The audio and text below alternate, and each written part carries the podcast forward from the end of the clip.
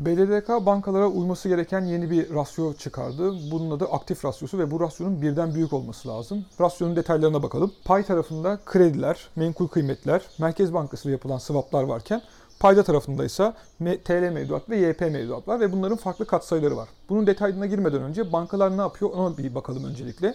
Banka bilançosuna baktığımızda kaynak tarafında en önemli kaynağı bankaların mevduat, müşteri mevduatları. Diğer taraftan bankaların kendi ihraç ettiği tahviller, bonolar yine kaynak olarak düşünebiliriz. Bunun yanında yurt dışından bulduğu sendikasyon kredileri de yine bankaların kaynağıdır.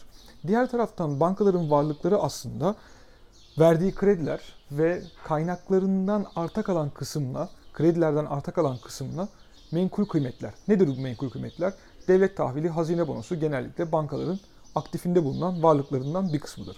Şimdi tekrar rasyoya dönecek olursak, rasyonun birin üzerinde olmasını sağlamak için ya payı arttırmanız lazım ya da paydayı azaltmanız lazım.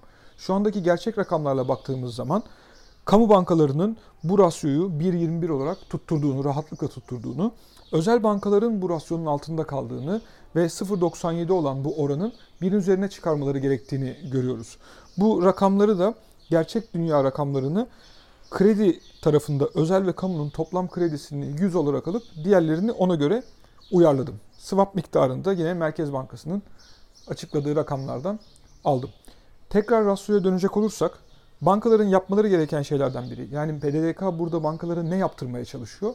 Bir tanesi kredileri arttırmak. Yani siz payda kredileri arttırırsanız oranı arttırmış oluyorsunuz. Dolayısıyla bunu bir tarafa yazıyoruz. Diğer taraftan baktığımızda toplam menkul kıymet portföyünü arttırdığınızda da yine oranı arttırabiliyorsunuz.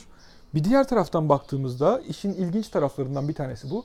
Bankaların Merkez Bankası ile yaptığı swap işlemlerini paya koymuş BDDK. Ne demek bu? Bankalar Merkez Bankası'na döviz veriyorlar. Bunun karşılığında TL alıyorlar. İşte bu işlemler payda yer alan işlemler. Burada BDDK ne amaçlamış? Bankaların ellerindeki dövizleri ya da yurt dışında bulunan dövizlerini getirip Türkiye'deki Merkez Bankası'na vermeleri swap'la bunun karşılığında Merkez Bankası rezervlerinde bir artış. Yani Merkez Bankası'nın kendi bulacağı dövizi bankalar üzerinden buldurmaya çalışıyor gibi düşünebiliriz.